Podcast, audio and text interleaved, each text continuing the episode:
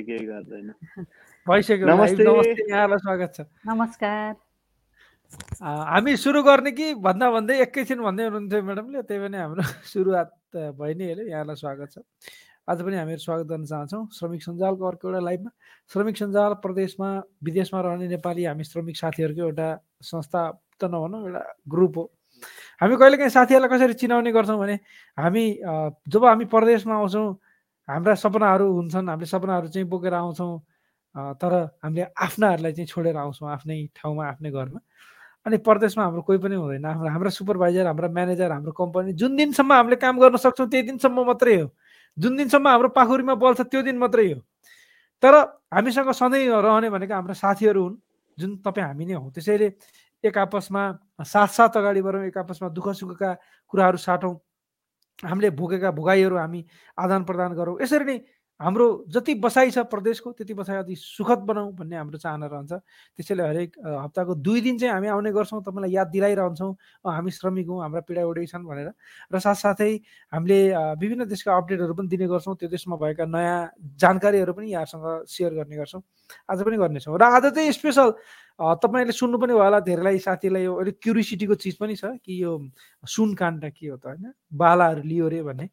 म तपाईँलाई एक दुईवटा स्टोरी सुनाउँछु आज त्यो विषयमा। एकदम रियल स्टोरी देखेका स्टोरी मैले।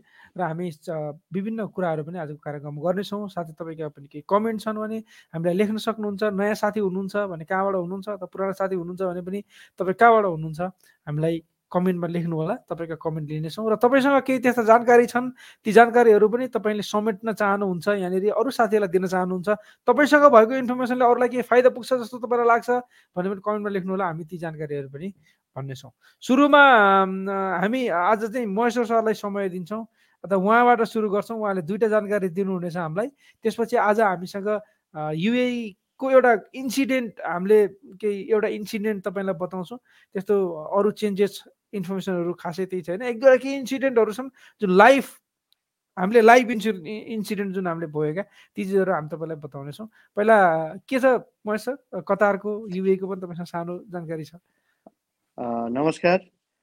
श्रमिक सञ्जालको यो फेसबुक श्रृङ्खलामा तपाईँलाई स्वागत गर्न चाहन्छु। यो दुई सय पैँतालिसौँ श्रृङ्खला हो आजको हाम्रो। कतारको बारेमा भन्नुपर्दा नेपाल र कतार बिच हिजो भर्खरै यो सन् दुई हजार पाँचमा भएको श्रम सम्झौतालाई चाहिँ पुनरावलोकन गरिएको छ। त्यसका धेरै कुराहरू चाहिँ बाहिर आइसकेका छैनन्। यद्यपि धेरै कुराहरू चाहिँ नेपालले राखेका धेरै कुराहरूलाई कतार सरकारले चाहिँ स्वीकारेको छ। यो खुसीको कुरा हो किनभने नेपालसँग चाहिँ दुई हजार पाँच यता श्रम सम्झौता नभए पनि नेपाल कतारले चाहिँ धेरैवटा श्रम कानुनहरू चाहिँ परिमार्जन गरिरहेको थियो र त्यसले नेपाली कामदारहरूलाई ठुलो राहत दिएको थियो। र कतारले अहिले नेपालमा चाहिँ अब कामदार लैजानुभन्दा अगा- अब यो नेपाली कामदारहरूको चाहिँ क्षमता अभिवृद्धि गर्नको लागि भनेर सातवटै प्रदेशमा चाहिँ टेक्निकल इन्स्टिच्युट खोल्नको लागि सहयोग गर्ने भनेर भनिएको छ। अनि त्यसपछि हामी लामो समयसम्म अर्काको देशमा काम गर्छौँ। अनि त्यसपछि नेपाल फर्किएर आइसकेपछि हामी के गर्ने भनेर दोधारमा हुन्छौँ। त्यसका लागि पनि पुनरेकीकरण कार्यक्रमको लागि पनि नेपालले चाहिँ कतारसँग आग्रह गरेको थियो र त्यसमा पनि नेपालले चाहिँ कतारले चाहिँ नेपाललाई सहयोग गर्ने भनेर भनिएको छ भनेर खबरहरू आएका छन्। त्यसै गरी अहिले अब खाडीका मुलुकहरूमा नेपाली घरेलु श्रमिकहरूलाई पठाउन नेपाल सरकारले रोक लगाएको छ। कतारले पनि अब यो घरेलु कामदारहरूको लागि चाहिँ एउटा कानुनै लिएर आइसकेको छ। पहिले यो कानुनमा श्रम कानुनमा चाहिँ घरेलु कामदारहरू समेटिएका थिएनन्।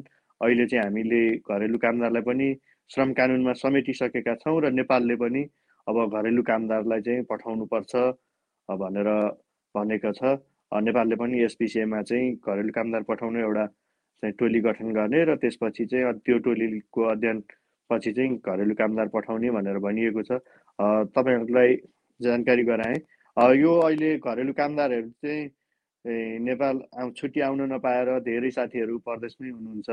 कारण के हो भने श्रम उहाँहरूको घरमा काम गर्ने चाहिँ भिजा हुन्छ अनि त्यसको कारणले गर्दाखेरि नेपालमा चाहिँ श्रम को चाहिँ यो श्रम हुँदैन। हामी श्रम गर्ने नै भन्छौँ एक हिसाबले। त्यो नवीकरण नहुने भइसकेपछि उहाँहरूलाई फर्केर जानको लागि चाहिँ अलिकति अप्ठ्यारो पर्ने स्थिति भएको धेरै साथीहरूले चाहिँ हामीलाई गुनासो गरिराख्नु भएको छ। अब घरेलु कामदार खुल्ला हुनुपर्छ कि पर्दैन यस विषयमा पनि बहस हुनुपर्छ। किनभने हामीसँग चाहिँ हामी भाषाको अभाव छ। त्यसपछि अब त्यहाँ चलाइने चाहिँ त्यो उपकरण घरमा काम गर्ने भइसकेपछि ती घरेलु काम घरेलु उपकरणहरू हुन्छन् जस्तो वासिङ मेसिन ओ माइक्रो ओभनदेखि लिएर हरेक इलेक्ट्रिकल सामानहरू चाहिँ हामीले कसरी प्रयोग गर्ने के गर्ने भन्ने विषयमा चाहिँ हामीलाई ज्ञान नहुँदाखेरि पनि हामीले धेरै दुःख पाउने गर्छौँ। यस विषयमा पनि नेपाल सरकारले चाहिँ त्यो त्यही अनुसारको चाहिँ त्यो घरेलु कामदारमा जान चाहने श्रमिकहरूको लागि चाहिँ त्यही किसिमको चाहिँ एउटा तालिम प्रदान गर्नुपर्छ भन्ने जस्तो लाग्छ। तपाईँहरूलाई के लाग्छ यो घरेलु कामदारहरू पठाउनुहुन्छ कि हुँदैन? तपाईँहरूलाई लागेका मनका कुराहरू पनि यसो हामीलाई यहाँ आज कमेन्टमा लेखिदिनु भयो भने हामीलाई पनि यसो सहज हुने थियो। के रहेछ कसो रहेछ भनेर बुझ्नको लागि किनभने घरेलु श्रमिकलाई अब एकदम दुःख छ।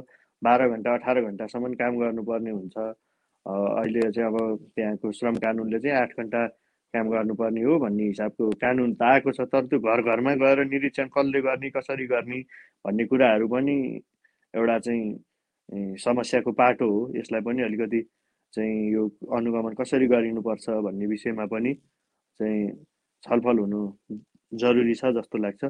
घरेलु सबै घरेलु श्रमिकलाई अप्ठ्यारो छैन। धेरै घरेलु कामदारहरूलाई चाहिँ राम्रो पनि छ। उहाँहरू चाहिँ विभिन्न देश विदेशहरूमा पनि घुम्न जाने मौका पनि पाउनु भएको छ। यो हामीले मैले पनि प्रत्यक्ष रूपमा देखेको छु। होला केही गाह्रो त होला। अब अर्काको बच्चा स्याहार्नुपर्छ घर सरसफाइ गर्नुपर्छ। त्यो स सुखको काम त पक्कै पनि होइन।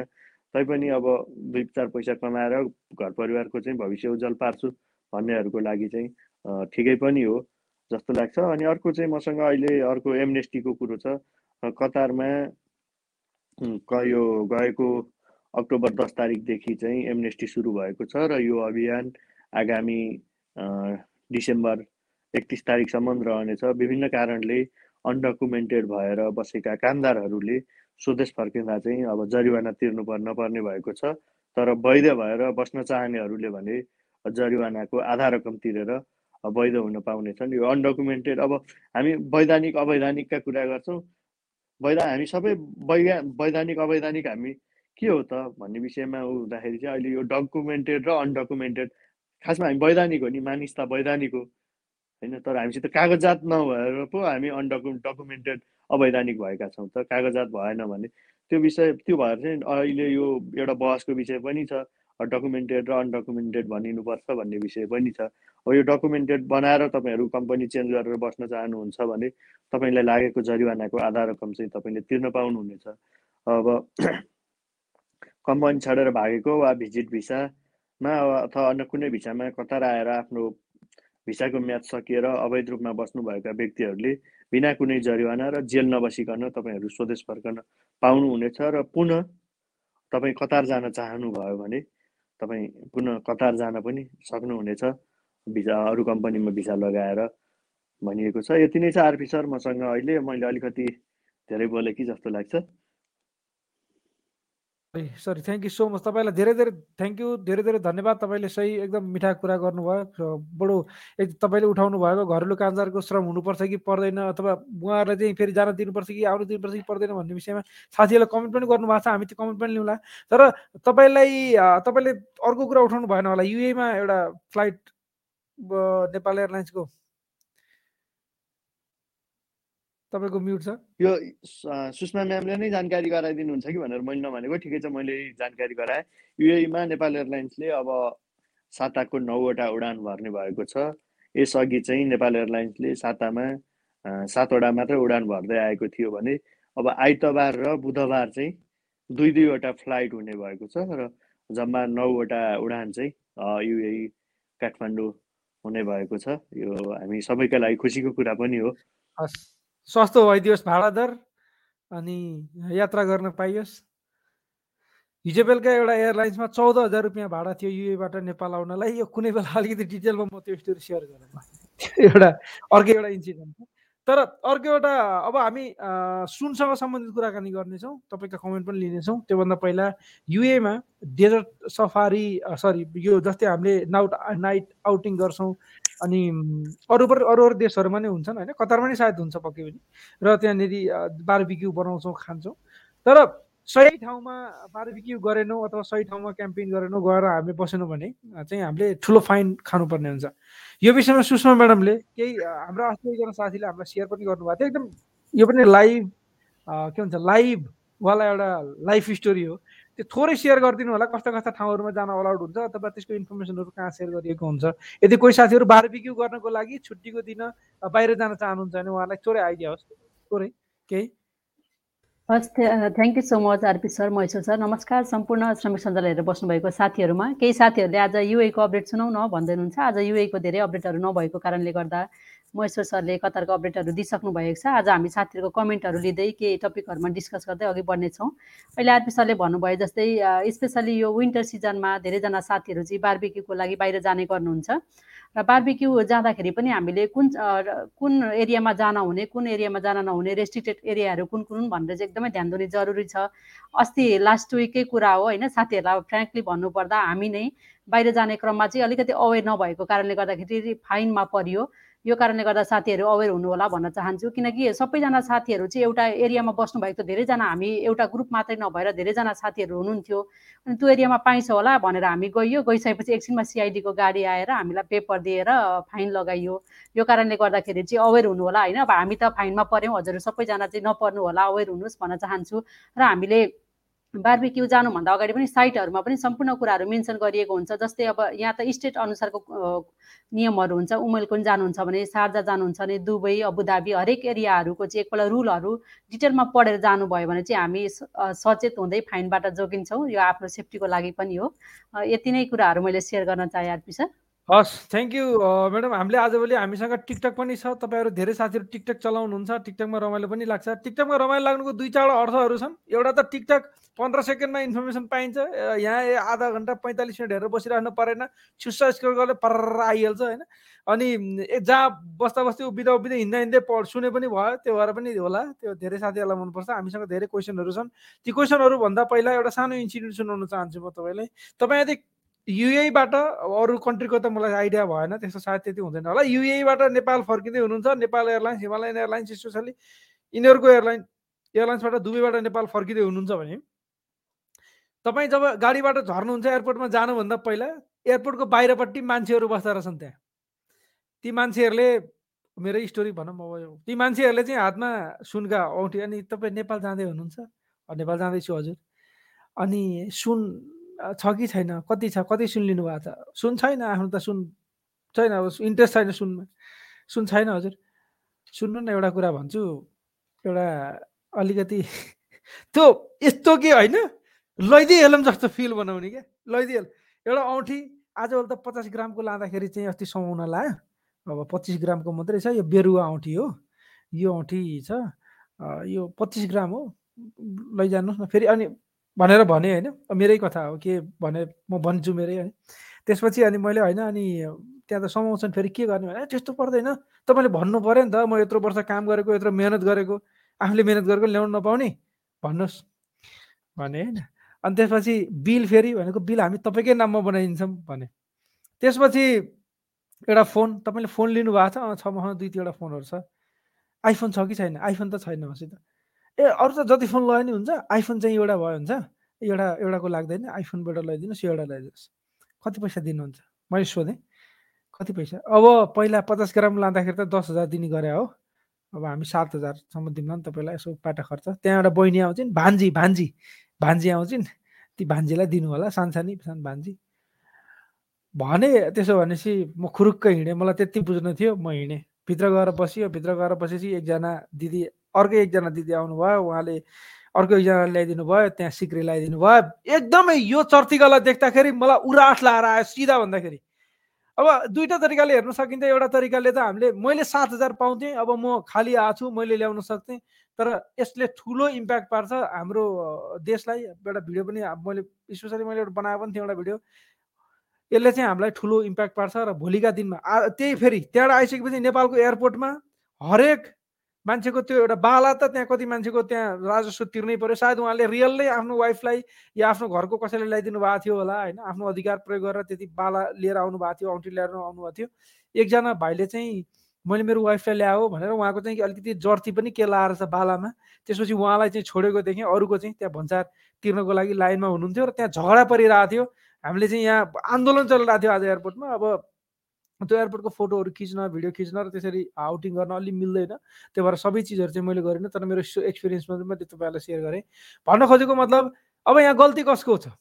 गल्ती तपाईँ हाम्रो छ गल्ती सरकारको छ या गल्ती ती मान्छेहरूको छ जसले सुनको दलाली गरिरहेछन् यसो भन्दै गर्दा कति किलो सुनहरू छिरिसक्यो खोइ के भयो त भन्ने कुरा पनि होला यो सुन चाहिँ के हुन्छ भन्दा हामीले जब सुन बोक्छौँ त्यति बेला हामीले गैर कानुनी मात्रै काम नभएर एउटा गैर कानुनी चिजलाई प्रशय पनि दिइरहेका हुन्छौँ।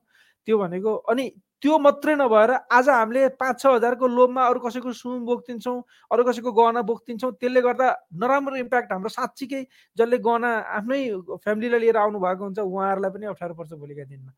त्यसैले अब धेरै साथीहरूले यहाँ सुन्न चाहनु भएको होला कि मैले बाला बनाएर बनाएर लाँदाखेरि के होला त? बाला बनाएर लगाएँ भने मैले चाहिँ भन्सार तिर्नुपर्छ ट्याक्स त तिर्नै पर्ने रहेछ त्यहाँ भनेर तपाईँले सोध्नुहुन्छ भने म भन्छु तपाईँ अरूको सुन बोक्दै हुनुहुन्छ भने पक्कै पनि पर्छ। किनभने अरूको सुनमा त गहना भन्ने हुँदैन कि त त्यो रिङे हुन्छ कि त त्यो बङ्ग्याएर अरू बनाउन मिल्ने हुन्छ स्योर तर तपाईँ आफ्नो वाइफलाई या आफ्नो फ्यामिलीलाई आफ्नो आमालाई आफ्नो छोरीलाई कसैलाई लैदिँदै हुनुहुन्छ भने डिजाइन बनाउनुहुन्छ गहना बनाउनुहुन्छ लैदिनुहुन्छ गहनामा पचास ग्रामसम्मको अथवा पाँच तलासम्मको गहनामा भन्छ लाग्दैन तपाईँलाई कसैले पनि केही पनि दुःख नदिकन एयरपोर्टमा खुरु खुरु तपाईँलाई जान दिनुहुन्छ। एकदमै त्यो चाहिँ हो र अब कहिलेकाहीँ चाहिँ अब अर्को एउटा कुरा तपाईँ हामीले सेयर गर्नुपर्ने जो साथीहरू हुनुहुन्छ उहाँहरूलाई थाहा छैन उहाँहरूले अब यहाँबाट म सुन लैदिन्छु। काँचो सुन त अहिले लान पाइँदैन। बाला बनाएर लगाइदिन्छु उहाँ नेपालमा लगाएर उसले आफ्नो तरिकाले बनाउँछ। अब जसलाई लगाइदिने उसले। भन्ने चाहिँ नसोध्नुहोस्। बरु डिजाइन नेपालबाटै मगाउनुहोस्। जहाँ युएमै बनाउनुहोस् अथवा जुन देशमा हुनुहुन्छ त्यही देशमा बनाइदिनुहोस् अनि लैदिनुहोस्। भनेको जो जेन्युनली साथीहरू आफ्नो आफूले सुन लिएर जान चाहनुहुन्छ उहाँहरूको लागि त्यो गर्दा ठिक हुन्छ कि जस्तो लाग्छ। अब तपाईँहरू भन्नु होला लेख्नु होला कमेन्टमा। यस्ता पनि केही अप्ठ्यारा गाह्राहरू हुन सक्लान्। होइन? बाला नै लाउनु लाउनु पर्छ अथवा औँठी रिङ बेरुवा औँठी रिङ नेपालमा गएर चेन्ज गर्न मिल्ने गरेर ल्याउन पाउनुपर्छ नेपालमा भन्ने तपाईँलाई लाग्छ भने पनि तपाईँले कमेन्ट गर्न सक्नुहुन्छ अथवा तपाईँलाई के ठिक लाग्छ कमेन्ट गर्न सक्नुहुन्छ। खैर सुनको विषयमा अलिकति धेरै नै हामीलाई इन्ट्रेस्ट पनि छ र हुन पनि हो यो चिज। एउटा र अर्को अब यो पनि सेयर गरिहाल्दा पनि छुस्छ होइन? के भयो भने ड्युटी फ्रीवाला फेरि केस अलग्गै अब हामी श्रमिक अब हामीलाई थाहा छ आसपास हामी धेरै जसो गरिहाल्छौँ। ड्युटी फ्रीवाला केस हुँदो रहेछ। एकजना साथीले ड्युटी फ्रीवाला ड्युटी फ्री भनेको हामीले अल्कोहल एक बोतल एक लिटरको भन्दा बोक्न पाइँदैन नेपालमा। अरू जफतै हुन्छ। भन्सारतिर पनि लान पाइँदैन। सुन चाहिँ भन्सारतिर लान पाइयो। त्यो चाहिँ जफतै हुने हो। अनि त्यहाँ मान्छे खोज्दा रहेछन् क्या। अरू कोसँग छ कसले लाँदैन भन्दै मान्छे खोज्ने अनि सोझो सिधा देख्यो भने भाइ तपाईँसँग तपाईँ के छ? ड्युटी फ्री लिनु भएको छ? छैन भने यसो लैदिनु न। यति एउटा म तपाईँको तपाईँ दुइटा किन्छु भन्ने। त्यति मात्रै नभएर प्लेनमा आइसकेपछि झर्ने बेला एकजना दाइले त बहिनीलाई के भन्यो भने बहिनी तपाईँसँग ड्युटी फ्री छ भनेर सोधेँ। अनि बिचरा बहिनी साह्रै सोधी त्यो ड्युटी फ्री भने के हो क्या थाहै छैन। ड्युटी फ्री भनेको क्या ड्युटी फ्री बुझिएन? भन्दै भन्दै थिएँ। अनि अरू केही गर्न पर्दैन? एउटा मेरो हो भनिदेऊ न है त्यो पास गर्ने बेला एउटा मेरो हो भनिदेऊ न भनेर भन्दै थिएँ। यस्ता यस्ता चिजहरू बडो उरास लाएर आउँछ। अब के गर्नु? त्यत्रो त्यो किनेर ल्याउन सक्नेले एउटा लिएर आएर नेपालमै ल्याएर किनेर खायो हुँदैन। के भन्नु? तर त्यो हो अरू कसैले त्यो मेरो हो पनि नभनौँ कसैको सामान पनि नबोकौँ र कसैको केही पनि नगरौँ त्यसले गर्दाखेरि हामी एक दुईजनाले कहिले काहीँ गरिदिँदाखेरि उनीहरूको त्यो त्यस्तो गरिराख्ने मान्छेको हौसला बढ्छ। होइन उनीहरूले फेरि अरूलाई पनि भन्छन्। बडो रिस उठ्ने चिज हो क्या त्यो भनेको। त्यसले राम्रो चाहिँ गर्दैन केही चिजलाई पनि। हुन्छ हामी श्रमिकलाई युज गरेर मान्छेले भनेर। त्यो जसले गरेर आछन् युज तिनीहरूले भिडियो हेरेका छैनन्। तपाईँ हामीलाई हेर्दैनन् तिनीहरूले। तपाईँ हामीसँग तिनीहरूलाई मतलबै छैन। तिनीहरू अर्कै लेभलका मान्छे हुन्। त्यसो कारणले गर्दा तिनीहरूले हामीलाई युज गरेका छन्। युज हुनबाट बचौँ। भन्ने मात्रै मेरो सल्लाह हो अथवा हाम्रो हामी श्रमिक साथीहरूको सल्लाह हो। विचार तपाईँको जे गर्दा ठिक लाग्छ त्यही गर्नु होला र अरू साथीहरूलाई पनि सम्झाउनु होला तपाईँलाई यदि कुरा ठिक लाग्छ भने भाषणै जस्तो अलिक धेरै होला। अब चाहिँ कमेन्टतिर लागौँ होइन?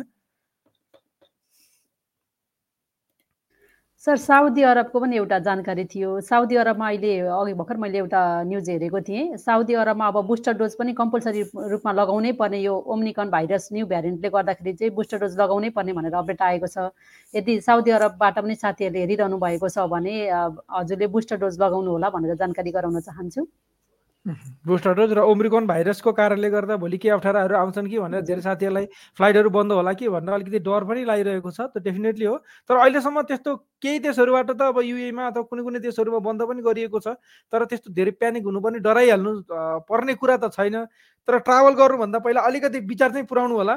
धेरै लामो समय पछिको ट्राभललाई चाहिँ पुरै प्लान गरी नहेल्नु होला अहिलेलाई। किनभने जे पनि हुनसक्छ होइन फेरि केही समय अलिकति बन्द होला फेरि खुल्ला।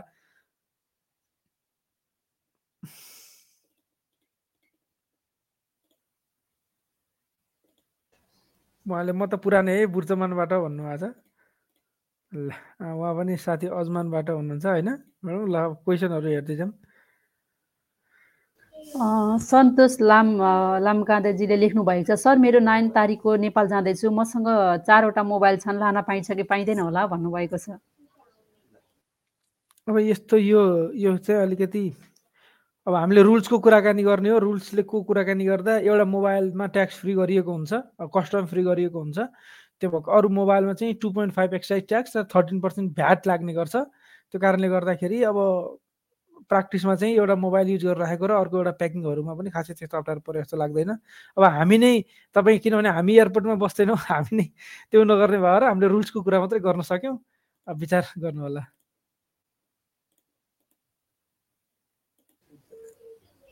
यसरी कुमार कुमार प्रसादजीले के लेख्नु भएको थियो ए कुमारजीले लेख्नुभएको छ दुबईको न्युज चाहिँ पुरा रूपमा सुन्न पाइँदैन किन होला भन्नुभएको छ। हजुर आज चाहिँ सुन्न पाइएन। आज दुबईको त्यति धेरै अपडेटहरू नभएको कारणले हो। छोटा छोटा जानकारीहरू हुँदा टिकटकलाई पनि फलो गर्नु होला हाम्रो श्रमिक सञ्जालको। अहिले चाहिँ हाम्रो म्याडमले श्रमिक सञ्जालको टिकटक युएबाट युएकै जानकारी छोटा छोटा कहिले के हुन्छ नि पन्ध्र बिस सेकेन्ड एक मिनटमा त्यो हुने जानकारीहरू पनि बेला बेलामा सेयर गरिराख्नु भएको हुन्छ। र अरू दिन चाहिँ हाम्रो आइतबार र बुधबार आउने यो लाइभमा पनि तपाईँले सुन्न सक्नुहुन्छ। त्यसै गरी विवेक मल्ल ठकुरीजीले लेख्नु भएको छ नमस्कार सर कतार सरकारले आप्रवासी कामदारलाई वर्ल्ड कप अवधिभर घर पठाउने हल्ला छ यथार्थमा के होला? जानकारी गराइदिनुहोस् न भन्नुभएको छ। नमस्ते विवेक मल्लजी। यो अहिलेसम्म यी कुराहरू आधिकारिक रूपमा आएको छैन। यद्यपि पछिल्लो समय कतारले चाहिँ यो फिफा विश्वकपका लागि भनेर केही कामदारहरू लिएर गएको र तिनीहरूको भिसा चाहिँ प्रोजेक्ट भिसा भएको र उनीहरूलाई चाहिँ त्यो काम सकिएपछि नेपाल फर्किनु पर्ने अथवा आफ्नै देशमा फर्किनु पर्ने जस्ता कुराहरू चाहिँ आएका छन् र यी कुराहरूलाई चाहिँ हिजो बसेको यो नेपाल र कतारका चाहिँ अधिकारीहरूको हिजो नेपालमा बैठक थियो। त्यो बैठकमा पनि नेपालको तर्फबाट यसरी प्रोजेक्ट भिजामा गएकाहरूलाई चाहिँ तुरुन्तै नेपाल फर्काउन नपाइने भन्ने विषय न फर्काउनु नहुने भन्ने विषयमा चाहिँ कुराहरू उठेका थिए। अब यो हल्लाहरू हुन्। अब आधिकारिक रूपमा के हुन्छ कसो हुन्छ भनेर चाहिँ अब त्यहीँको सरकारले नमनुन्जेलसम्म चाहिँ हामीहरू हल्लाको पछाडि नलागौँ। जब आधिकारिक रूपमा आउँछ त्यसपछि हामी सबैलाई थाहा नै भइहाल्छ। रे यसो रे रेका पछाडि नकुदौँ रेले बिगार्छ हामीहरूलाई। रेले रेले रहेर कहाँ लगाएर धकेल्छ थाहा हुँदैन। थाहा नभएको थाहा नभएको कुरा थाहा छैन भनिदिनुपर्छ सिधै होइन? अब थाहा छ भने थाहा छ भनियो। एकदमै। यहाँ यतिलाई हेर्दै हुनुहुन्छ श्रमिक सञ्जालको लाइभ श्रमिक सञ्जाल प्रदेशमा रहने नेपाली श्रमिक साथीहरूको एउटा ग्रुप हो। यो ग्रुपमा तपाईँ पनि हुनुहुन्छ। तपाईँ पनि आफै श्रमिक सञ्जालकै मेम्बर हुनुहुन्छ हामी सबैजना। तर यो मध्ये पनि हामीले चाहिँ केही साथीहरू जो साथीहरू अलिकति एक्टिभ हुनुहुन्छ अथवा उहाँहरूलाई चाहिँ इन्ट्रेस्ट लाग्छ अरू साथीहरूलाई पनि सहयोग गरौँ भन्ने लाग्छ भने हाम्रो एउटा धेरै साथीहरूको ग्रुप पनि छ। तपाईँ पनि त्यसमा सामेल हुन सक्नुहुन्छ। हामी केही दिनमा लिङ्क दिनेछौँ। जहाँनिर तपाईँले सानो फर्म पनि भर्नुभयो भने अझै हामीसँग कनेक्टेड भएर फेस टु फेस पनि हामी कुराकानी गर्न सक्छौँ कुनै बेला। यो लाइभलाई चाहिँ तपाईँले अडियोमा सुन्न चाहनुहुन्छ भने एङ्कर एफएम गुगल पोडकास्ट र एप्पल पोडकास्टमा पनि सुन्न सक्नुहुन्छ। अहिले चाहिँ तपाईँ फेसबुकमा फेसबुक ग्रुप युट्युबमा युट्युब हाम्रो श्रमिक सञ्जाल र श्रमिक चौतारी श्रमिक हब भन्ने एउटा ग्रुप छ त्यसमा। श्रमिक सञ्जाल भन्ने पेज छ त्यहाँबाट सुन्दै हेर्दै हुनुहुन्छ। हामीले विभिन्न देशका अपडेटहरू दिने गर्छौँ। हाम्रा सञ्जालका साथीहरू हामीहरू विशेष गरेर मध्यपूर्वका देशहरू र मलेसियामा बस्ने गर्छौँ। अब चाहिँ हामी अरू कमेन्टहरू लिन्छौँ र कमेन्टका क्वेसनहरू लिन गइरहेका छौँ। सागरजीले लेख्नु भएको छ सर नेपाल आउन लागेको अहिलेको अवस्थामा के के चाहिन्छ होला? प्लिज बताइदिनु होला सबै कुराहरू भन्नुभएको छ। टिकट चाहिन्छ पिसिआर टेस्ट चाहिन्छ बहत्तर घन्टाभन्दा पहिला रिपोर्ट अथवा स्याम्पल दिएको बहत्तर घन्टाभन्दा कम हुने गरी त्यसपछि सिसिएमसीको फारम भर्नुपर्ने हुन्छ। सकियो। भ्याक्सिन लगाउनु भएको छ भने भ्याक्सिनेसनको कार्ड कार्ड चाहियो भ्याक्सिनेसन लगाएको प्रुफ चाहियो भ्याक्सिन लगाउनु भएको छैन भने दस दिनको होटल क्वारेन्टिनको बुकिङ चाहियो। त्यति भयो हुन्छ।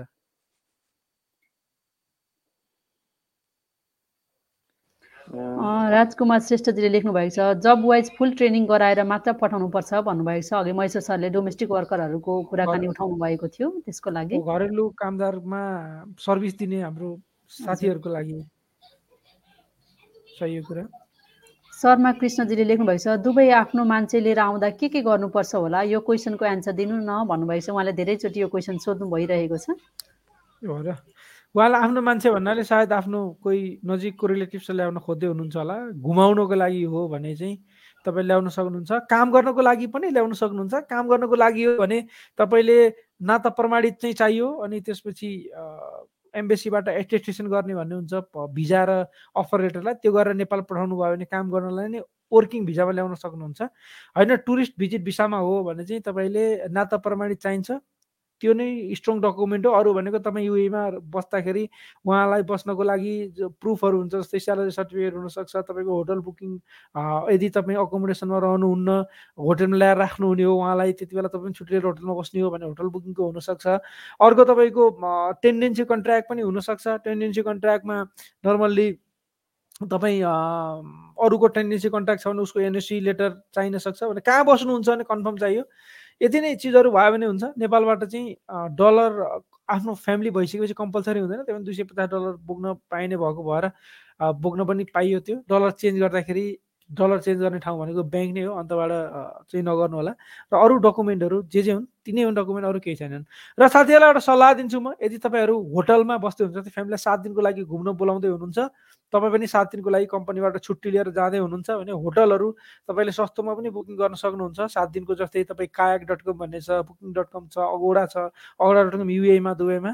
र यो अवस्थामा यो समयमा तपाईँ धेरै ठाउँहरूमा अब जस्तै एक्सपोमा त फ्रीमा पनि घुम्न जान पाइन्छ अरू पनि बस सर्भिसहरू भएको आसपासको क्षेत्रहरूमा तपाईँले खोजेर आजभन्दा लगभग पन्ध्र बिस दिन पछाडिको अफरमा आइरहेको हुन्छ होटलहरू त्यो खोजेर पनि बुक गर्न सक्नुहुन्छ। है त्यो चाहिँ तपाईँहरूलाई एउटा पर्सनल सल्लाह मात्रै भनौँ सबैले त्यो गर्न सक्नुहुन्छ सक्नुहुन्न जसले सक्नुहुन्छ उहाँलाई। त्यसै गरी राजकुमार श्रेष्ठजीले केही कुरामा कमेन्ट गर्नुभएको छ at least all international workers must be train by government job wise for prestige of country and better salary भन्नुभएको छ। थ्याङ्क यू सो मच हजुरले एकदमै राम्रो कुरा उठाउनु भएको छ। केएस थापाजीले लेख्नुभएको छ? नमस्कार सबैलाई। म युए रुएजबाट हेर्दैछु भन्नुभएको छ। थ्याङ्क यू सो मच धेरै टाढा रोइस लगभग साउदीको बोर्डरमा पर्छ। थ्याङ्क यू त्यसै गरी मदन विशेषजीले लेख्नुभएको छ दर्शन नमस्कार। सबै सरमेमहरूमा विशेष सुषमा म्यामलाई मेरो सानो क्वेसन छ। हाल म दुबईमा छु। मैले मेरो फ्यामिली भिजिटमा बोलाउन खोजेको छु तर मेरो वाइफले कुनै भ्याक्सिन लगाएको छैन। भिजिटमा आउँदा के के डकुमेन्ट चाहिन्छ सानो जानकारी सुषमा म्याम हजुरको भोइसबाट सुन्न चाहन्छु भन्नुभएको छ। हस् भन्नुहोस्। भ्याक्सिन चाहिँ म्याडमकै भोइसबाट सुनौँ त्यसो भने। हजुर हजुरले अब भ्याक्सिन लगाउनु भएको छैन भने चाहिँ भ्याक्सिन लगाउनु भएको भए बेटर हुन्थ्यो तर भिजिट भिसाको लागि भ्याक्सिन नलगाउँदा पनि हुन्छ। अहिले सक्नुहुनेछ हजुर हजुर। आउन ल्याउन सक्नुहुनेछ। आफ्नो वाइफ भइसकेपछि त्यति धेरै प्रब्लम भएन हजुरलाई ल्याउन सक्नुभयो साथमा डकुमेन्टहरू अघि आरपी सरले भन्नुभयो नर्मली अब आफ्नो रिलेटिभहरू ल्याउँदा चाहिने डकुमेन्टहरू त्यति नै हजुर। होम क्वारेन्टाइन बस्नुपर्ने उहाँ क्वारेन्टाइन बस्नुपर्ने हुन्छ किनकि भ्याक्सिन लगाउनु भएको हुँदैन। त्यो कारणले गर्दा रिटर्न हुँदा चाहिँ क्वारेन्टाइन बस्नुपर्छ। यदि अझै पनि मिल्छ भने हजुरले भ्याक्सिनहरू त छ होइन? भ्याक्सिन लगाउनु भयो भने बेटर हुन्छ नि। त्यो एउटा लगाइसकेपछि ट्वेन्टी वान डेजमा फेरि अर्को लगाउन पाइहालिन्छ। भ्याक्सिन खोजेर लगाएर राम्रो हुन्छ। त्यो पनि हो अनि प्लस अब सेफ्टीको हिसाबले हेर्ने हो भने पनि अहिले न्यू भ्यारिएन्ट अब यो ओमिकन भन्ने पनि आइरहेको छ। यो हुँदाखेरि हामीले भ्याक्सिन लगाएनौँ भने हाम्रो इम्युनिटी सिस्टम अलिकति विक हुने हुँदाखेरि अलिकति डर पनि हुन्छ। भ्याक्सिन लगायौँ भने हाम्रै सेफ्टीको लागि पनि एकदम राम्रो हुन्छ। यो कारणले गर्दा बरु थोरै समय लेट गरेर पनि भ्याक्सिन लगाएरै ल्याउनु भयो भने चाहिँ राम्रो हुन्छ भनेर सुझाव दिन चाहन्छु। एउटा डोज मात्रै लाउनु भएको छ भने नि दुबई फर्क जान पाइयो। फर्किँदाखेरि फेरि होटल क्वारेन्टाइन बस्नुपर्छ त्यो चाहिँ ध्यान दिनु होला। तर जोन्सन एन्ड जोन्सनको बाहेक है जोन्सन जोन्सनको चाहिँ अब त्यो अहिले छैन होला त्यो भ्याक्सिन। युएमा हजुर गएको भन्नुभएको छ डेजर्ट सफारीको भन्नु होला। कुन ठाउँमा हो र युएको हजुर गएको भन्नुभएको? उहाँ सरहरूले अहिले सरले गर्नुभएको फाइनको कुरा होला। हामी चाहिँ रसल खेमाको साइडमा। साथीहरूले जहिले पनि बार्बिक्यू क्विन। जाँदाखेरि हजुर जाँदाखेरि।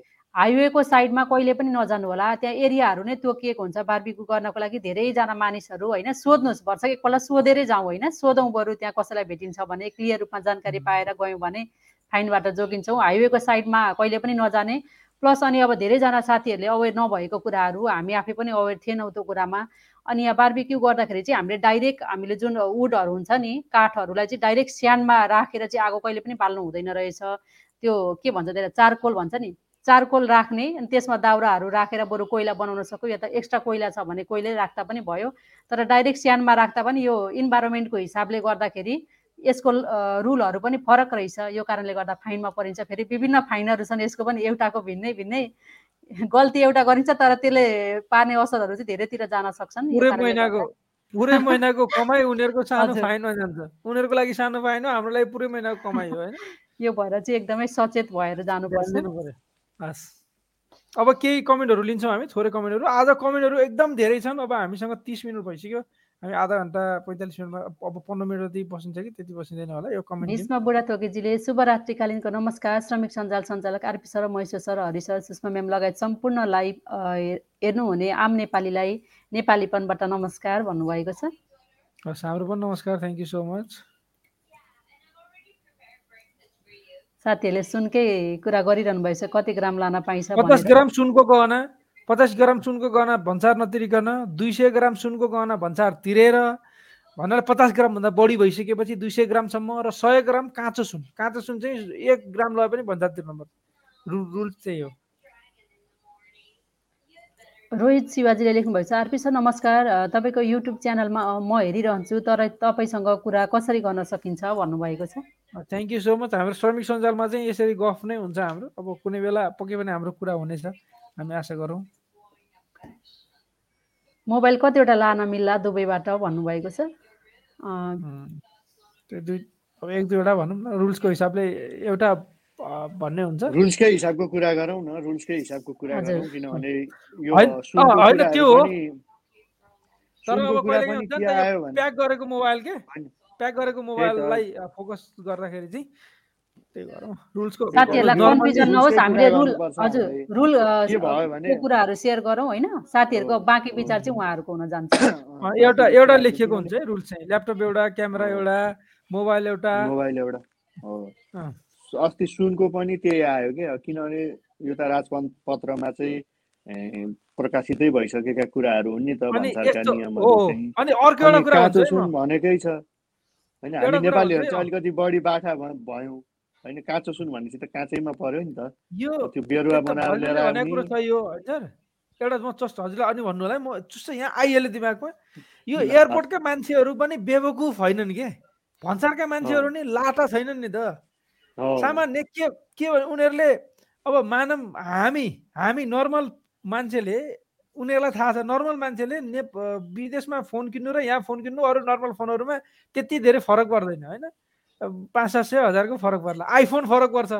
भनेपछि आइफोनमा टाइट हुन्छ। अब उताबाट पठाउने आइफोनै रहेछ तिनीहरूले फेरि। अब एयरपोर्टको मान्छेलाई थाहा छ नि त आइफोनै हो यिनीहरूले तस्करी गर्ने अरू त यहीँ पनि त्यति धेरै अँ। फरक पर्दैन भन्ने छ। सुन सुनको कुरा नै त्यही त हो नि। त्यसो भएर हामीले एक दुई दिन बेवकुफ बनाउन सकिएला अथवा कहिले काहीँ थाहा भयो भए छोडिदिएला तर बेवकुफ त हुँदैनन् उनीहरू। कुनै न कुनै त पत्ता लगाइहाल्छ थाहा भइहाल्छ। त्यसो भएर त्यो ऊ नै हुन्छ है। त्यो भएर जेन्युन हो भने क्या तपाईँ कसैको केही गर्नु भएको छैन आफ्नो गरिराख्नु भएको छ नि तपाईँलाई के को टेन्सन? भन्छु क्या म चाहिँ त्यो चाहिँ हो फेरि। होइन टिभीमा पनि कुराहरू हुन सक्लान् हुन त महेश्वर सरले अस्ति नै टिभीको हाम्रो एउटा डिस्कसनै भइरहेको थियो कुराकानी भएको थियो। हजुर के भन्नु भन्दै हुनुहुन्थ्यो? त्यही नै अब त्यही त यो सुनहरू चाहिँ समायो जानकारी नै नदिकन समायो हाम्रो सुनहरू भन्ने कुराहरू आए के होइन? काँचो सुन ल्याउन नपाउने त भनेकै छ त। त्यहाँभन्दा अगाडि पो सरकारले केयर गरेन त होइन? त्यहाँभन्दा अगाडि बाला छोडिदियो। तपाईँको चाहिँ बनाएको गहना तपाईँको। बनाएको गहना तिलरीहरू अरू अरू लकेटहरू समाएको थियो भने ओहो किन समाइस भन्न पाइन्छ क्या? काँचो सुन भेल भेल आउँदाखेरि राम्रोलाई नै बढाउँछ बढाएर चाहिँ राम्रा घरहरू पनि लान्छ। सबै- राम्रै चिजहरूलाई सबै कुराहरू सहजै छ नि सर। अब होइन आफ्नो फ्यामिलीहरूले लगाउन चाहनुहुन्छ भने अहिले नेपाली ज्वेलरी पसलहरू पनि धेरै नै छन्। हजुरले अहिले भिडियो कल गरेर सबै उहाँहरूलाई डिजाइनहरू देखाएर आफ्नो साइजहरू नेपालबाट नापेर पनि यहाँबाट बनाएर लान सक्नुहुन्छ। त्यो हुँदा समस्यामा पनि पर्नुहुन्न।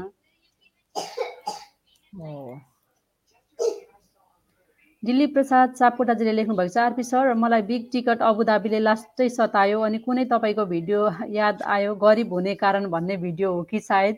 अब फेरि पनि लास्टै लोभ लाग्दो छ। पच्चिस मिलियन दिराम पनि छ। मलाई त के लेख्नुभएको छ big weekly weekly one million पनि चल्थ्यो तर भोक के गरौँ पर्दै पर्दैन। एक्काइस लास्टै खराब भयो बाइसबाट बन्द गर्छु। अब जहाँ गयो साठी त्यही सत्तरी के भन्नुहुन्छ अरू? एउटा टिकट लिउँ कि भन्नुभएको छ। अरे यो लोटरी परेर हेर्नुहोस् मलाई त मेरो जिन्दगीमा लोटरी पर्ने भन्ने लाइफमा धेरै गरियो होइन? हाम्रो साथीहरूले धेरै धेरै साथी हुनुहुन्छ एकदम जिरोबाट हिरोसम्म पुग्नु भयो तर लोटरी परेर कोही जिरोबाट हिरोसम्म पुगेको मलाई थाहा छैन कि। इन्डियामा कौन बनेका करोडपतिमा दुई हजार तेह्रमा एकजनाले पाँच करोड जितेर दुई हजार अठारसम्म आउँदा रोडमा गइसकेको थियो। त्यो भएर आफ्नो फाइनेन्सियल आइक्यू चाहिँ बढाउनु पर्यो। अब लोटरी भनेको तपाईँलाई विश्वास लाग्छ भने गर्नुहोस्। त्यो पैसा गयो भनेर सोचेर गर्ने हो आयो भने आइहाल्यो भनेर। फाइनेन्सियल आइक्यू चाहिँ बढाउनु पर्यो। फाइनेन्सियल पैसासँग रिलेटेड चिजहरू। तर त्यस त्यसमा चाहिँ फोकस नगर्दा ठिक हुन्छ जस्तो लाग्छ है मलाई चाहिँ। मेरो पर्सनल विचार हो त्यो चाहिँ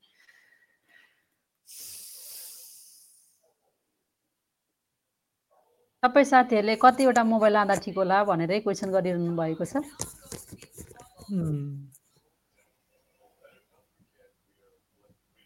यस्तो छ। अब त्यही हो कि? त्यसमा चाहिँ एकजना साथीले त एन्ड्रोइड जति पनि लाउन मिल्छ भन्नुभएको छ। त्यो अब तपाईँ भयोभरको सबै मोबाइलै मोबाइल बोकेर हिँड्नुहुन्न। अरूका मोबाइल नबोक्नुहोस् तपाईँले एक दुईवटा घरको मान्छेलाई बोक्दाखेरि सायद एयरपोर्टमा पनि है एयरपोर्टको पनि कर्मचारी हुनुहुन्छ बुझ्नुहुन्छ होला है त्यति रुल्समा चाहिँ एउटा मात्रै छ। भन्नु पऱ्यो नि फेरि रुल्सको कुरा त। भोलि यो श्रमिक सञ्जालमा चाहिँ एयरपोर्टको मान्छेले केही गर्दैन नि बोक्नुहोस् बोक्नुहोस् भने थियो भनिदिनु भयो भने कसैले। त्यस्तो होइन। त्यो तपाईँ फ्यामिलीको लागि अब भोलि पर्सि मोबाइल पनि बोकाउन थाल्यो भने चाहिँ फेरि त्यो पनि सस्तो आठ दस हजार बाह्र हजारको मोबाइल त्यस्तो ए बेरुवा औँठी। लिएर आउनु। नपाइने हो र हजुरहरू भन्नुभएको छ। खै त? हजुर बेरुवा औँठी पनि अब काँचो सुनको पाइएन।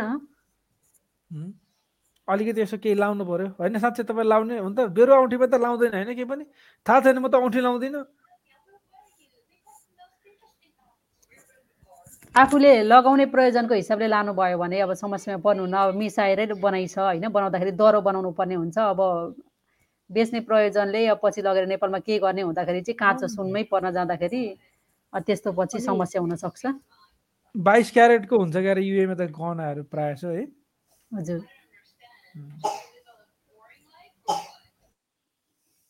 ए यो पनि त्यही कुरा रहेछ है? उहाँको? मोबाइलकै कुरा छ तपाईँको यसो कुरा सुन्दा त्यस्तो तपाईँ जस्तो मान्छे अब आफ्नो जेन्युन रूपमा लाँदा त्यस्तो गाह्रो पर्छ जस्तो लाग्दैन है।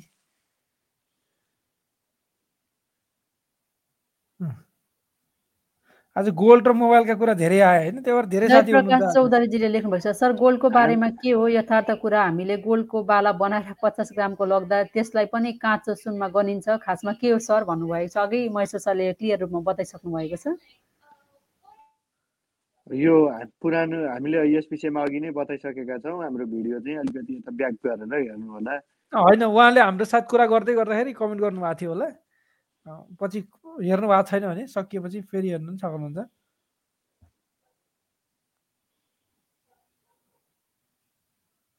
नवराज वास्तोलाजीले छ मोबाइलको बारेमा म मुसाफादेखि हेर्दैछु। मोबाइलकै सोध्नु भएको छ कति लान पाइन्छ भनेर। अँ, नवीन नवीन ओलीजीले ओली। लेख्नुभएको छ मैले पासपोर्ट बनाएको छ महिना भयो फेरि यी पासपोर्ट बनाउनु पर्छ भने अँ, भन्ने छ जानकारी पाउन भन्नुभएको छ। पर्दैन तपाईँको त्यो पासपोर्टले काम गर्छ। तपाईँले अहिले यी पासपोर्ट बनाइहाल्नुपर्छ भनेर छैन। नआत्तिनुहोस् त्यो पासपोर्टको म्याच छाउन्जेल तपाईँले चलाउनु पाउनुहुन्छ। अहिले यही नै छ। अँ, पैसा खर्च गर्नु परेन। अब नयाँ बनाउँदा यी पासवर्ड बनाउनुहोस्।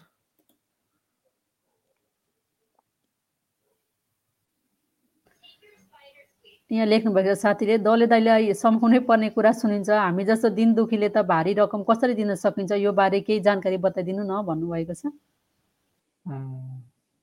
हुन्छ नि। अब यो के को रकम भन्नुभयो होला? त्यो भन्सार भन्नुभयो होला। भन्सार गहना पचास ग्रामसम्मको सुनको गहनालाई भन्सार तिर्नु पर्दैन। यो मैले क्वेसन उहाँको भन्न खोज्नु भएको भिटामिन कि गोली भन्नुभएको छ साथीले उहाँ हाम्रो पुरानो साथी हुनुहुन्छ जस्तो लाग्छ मलाई उहाँको नामले याद आयो होला। वर्षको आफ्नो परिचय होइन? अब आफ्नो आइडेन्टिटी चाहिँ दिनुभयो भने राम्रो हुनेछ नाम लेखेर। हावा लेख्नु भएको रहेछ। हावा सबैमा खासमा हामीले लगेका सामान तोकिएको भन्दा बढी मात्रामा भए एयरपोर्टमा त्यो बढी भएको सामान नष्ट गर्न पाइन्छ कि पाइँदैन नष्ट गर्न मिल्ने सामानको हकमा भन्नुभएको छ। सायद उनीहरूले लिलामी गर्छन् होला र नष्ट गर्ने भयो भने पनि उनीहरूको एउटा प्रोटोकल हुन्छ। त्यो हिसाबले उनीहरूले नष्ट गर्छन्। अरू सामानहरूको हकमा चाहिँ उनीहरूले बेच्छन् लिलामी गर्छन्। त्यो मोलतोल के के हुन्छ त्यहाँनिर? टेन्डर लिन्छ होला सायद। Madan thank you so much जानकारीको लागि भन्नुभएको छ। वेलकम हजुरलाई। यसै गरी यहाँ केबी भण्डारीजीले एउटा राम्रो क्वेसन लेख्नु भएको छ। मैले हजुरले सेयर गर्नु होला। म एकदम यो कतारको साथी हुनुहुन्छ इन्द्र पराजुली इन्द्रजी कतारमा हाम्रो साथीहरू आज चाहिँ कतारको साथीहरूले धेरैले हेर्नुभयो किनभने सुरुको फेजमा मर्सले अलिअलि कतारसँग कतारको लसँग रिलेटेड कुराहरू सेयर गर्दै गर्दा सायद धेरै साथीहरू जोडिनु जस्तो लाग्छ। यदि तपाईँहरू पनि कतारबाट हुनुहुन्छ भने कतारमा भएका विभिन्न ग्रुपहरूमा विभिन्न ठाउँहरूमा त तपाईँले पेज चलाउनुहुन्छ नि त्यो पेजमा पनि हाम्रो लाइभलाई सेयर गरेर कतारका साथीहरूलाई पनि यहाँनिर जोड्ने कोसिस गर्नु होला धेरै साथीहरू हुनुहुन्छ। हामी कतारमा अझै पनि पुगिसकेका छैनौँ कि धेरै जस्तो लाग्छ। त्यो भयो भने अझै धेरै चाँडो छिटो पुग्छौँ त्यसैले कतारका साथीहरूलाई विशेष आग्रह। उहाँ हजुरले भन्नुभएको क्वेसन? श्रमिक केबी भण्डारीजीले लेख्नु भएको छ श्रमिक सञ्जालले पनि नेपाल सरकारलाई दबाब दिनुहोला। आम गरिब दुखी नेपाली छोराछोरी मात्र हुन् खाडीमा काम गर्ने। अब सरकारलाई अलिक सहज सहज वातावरण बनाउने कार्य गरौँ होला भन्नुभएको छ। क्वेसन एकदमै भावुक उठाउनु भएको छ। होइन एकदमै सही हो तर बडो उराट र पीडा दुःख त कहाँ लाग्यो भने त्यो डेस्टिनेसन कन्ट्री जहाँ डिपाचर गर्ने ठाउँमा जहाँबाट उठ्नुहुन्छ त्यहाँनिर दलालहरूको बिग देख्दाखेरि ओहो एकजना त त्यहाँ आएर ठ्याक्कै ओहो बहिनी तपाईँले झोला नजोखी ल्याउनु भएको? भन्दै आए। अनि अँ दाइ जोख्या छैन। ल हिँड्नुहोस् हिँड्नुहोस् हिँड्नु जोखेर ल्याउनुहोस्। धेरै हुन्छ कि? जोख्न लिएर गयो। जोख्दा जोख्दै तिनलाई ख्याटु गरे कुरो गरे एउटा सुन बोकाएर पठाइहाले। त्यस्तो हुँदो रहेछ अब के भन्नु? ती त्यहाँ चाहिँ बरु उ गर्नुपर्ने जस्तो लाग्छ कि मलाई चाहिँ। नेपालमा केही गर्नु पर्दैन। त्यहाँ त्यो एयरपोर्टमा त्यहाँ चाहिँ अब त्यो सरकारसँग त्यहाँको सरकारसँग मिलेर हुन्छ कि होइन? कसरी मिलेर हुन्छ? हुन त अब सरकारले कस्टम उठाउनै पाएको छ भन्ने होला। अब मेरो डिपार्टमेन्टको काम होइन त्यो होइन? कस्टमको डिपार्टमेन्टको पैसा लिने हो भन्ने होला। यो विषयमा चाहिँ हामीले कुरा गर्नु पनि पर्छ गरौँला। सकेसम्म कहाँ कहाँ सकिन्छ। सोफिया आचार्यजीले लेख्नु भएको छ सबैजनालाई म नमस्कार म पनि सधैँ हेर्छु। राम्रो लाग्छ सन्देशमूलक प्रोग्राम छ बट म जोइन हुन चाहिँ पाउँदिनँ है। मेरो ड्युटी छ टेन टु नाइन भएको कारणले हजुर भन्नुभएको छ। हस् थ्याङ्क यू सो मच हजुरको फर्स्ट प्रायोरिटी भनेको जब हो त्यही भएर जबमा टाइम दिनु होला समय मिलेसम्म हेर्नु होला पछि। काम भएन भने माम आउँदैन माम भएन भने ज्यान हुँदैन गतिलो। काम हुँदैन काम फर्स्ट। जहिलेसुकै हाम्रो ड्युटी हाम्रो सम्पत्ति हो यसलाई। तर हाम्रो लाइभ अरू बेला नै आउँछ त्यसलाई पनि सुन्न सकिन्छ। अब सकौँ होला हामीसँग दुई मिनट मात्रै बाँकी छ पैँतालिस मिनटलाई मातृका रिजालजीले लेख्नु भएको छ अर्पी सर सुषमा सिस्टर मैसो सर हजुरहरूको सल्लाह सुझावले हामीलाई धेरै कुरामा सहज पुर्याएको छ। मैले पनि धन्यवाद भन्नुभएको छ। थ्याङ्क यू सो मच हजुरहरूको लागि नै भनेर हामी पनि मेहनत गरेर रिसर्च गरेर खोजेर सकेसम्म जानकारीमूलक कुराहरू सेयर गर्ने कोसिस गरिरहेका छौँ। केपी भण्डारीजीले सुन्दर मोबाइलको बारेमा यति धेरै चर्चा नगरौँ। नेपाल सरकार अझ चलाक र चत्रु भएर हैरान बनाउँछ भन्नुभएको छ। होइन मलाई चाहिँ एकदम के लाग्छ भने एकदम अनेस्टली तपाईँ हामीले त्यो धेरै सुन पनि सायद बोक्दैनौँ होला। होइन कोही त्यति धेरै एउटा हामी श्रमिक गर्न गयो श्रम गर्न गएको अब जाने बेला सुन बोकेर लाएर त पक्का जाँदैनौँ होला। त्यो जाँदाखेरि पाँच चार पाँच तोला सुन बोकेर आइन्छ ठिकै हो त्यो जस्तो पनि लाग्छ होइन एउटा चिज। त्यति चाहिँ त्यति गर्दाखेरि चाहिँ त्यस्तो गाह्रो नहोला। मोबाइल पनि दुई अलिकति जति पोग्ने त्यति मोबाइलसम्म त्यस्तो गाह्रो थिएन। यो तस्करै गर्नेहरूले नै गाह्रो बनाएका हुन् क्या खासै।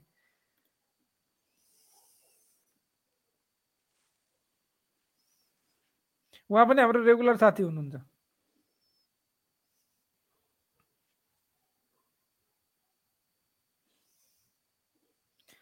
एकजना साथीले हामीलाई गम्भीर गम्भीर हुन चाहिँ अलिकति खचखचाउनु भयो। हामी गरिबको कुरा गरिब जा जातको कुरा पनि सुन्नु पर्यो भन्नुभयो। एकदम हामी तपाईँ हामी नै हौँ कि? अब हामीले हामीले सरकारको पक्ष लिन पक्कै खोजे होइन। हामी कुनै सरकारका मान्छे होइनौँ।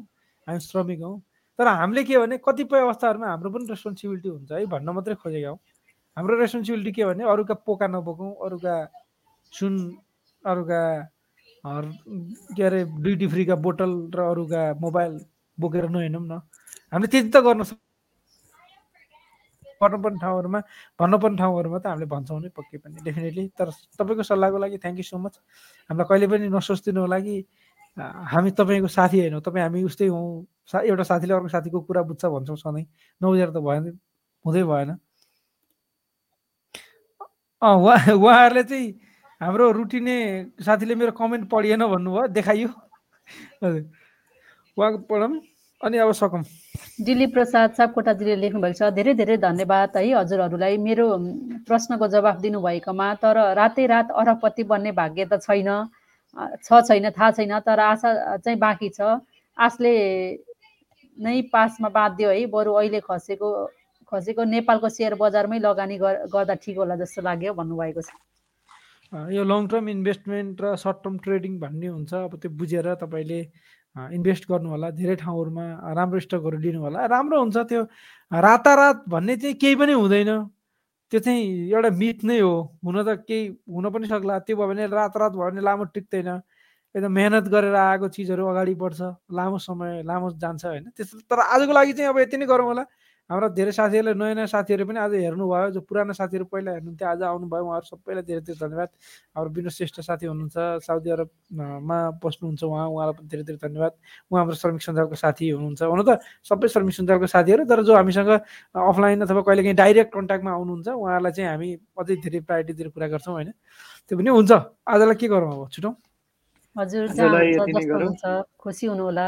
स्वस्थ रहनु होला सुरक्षित रहनु होला अहिले त मेन भनेको अब न्यु यो भ्यारिएन्टले गर्दाखेरि अलिकति होइन सबै साथीहरूमा के कस्तो होला भन्ने भइरहेको हुँदा अझै पनि हामीले एकदम सुरक्षित रहौँ भन्न चाहन्छु। हस्त शुभरात्रि। हेरेर साथ दिनुभयो त्यसको लागि धेरै धेरै यहाँहरू सबैलाई धन्यवाद। हामीलाई पोडकास्टमा पनि अहिले सुन्न सक्नुहुनेछ केही समयपछि। एकदमै। हुन्छ छुट्यौँ अहिले हस्त नमस्ते।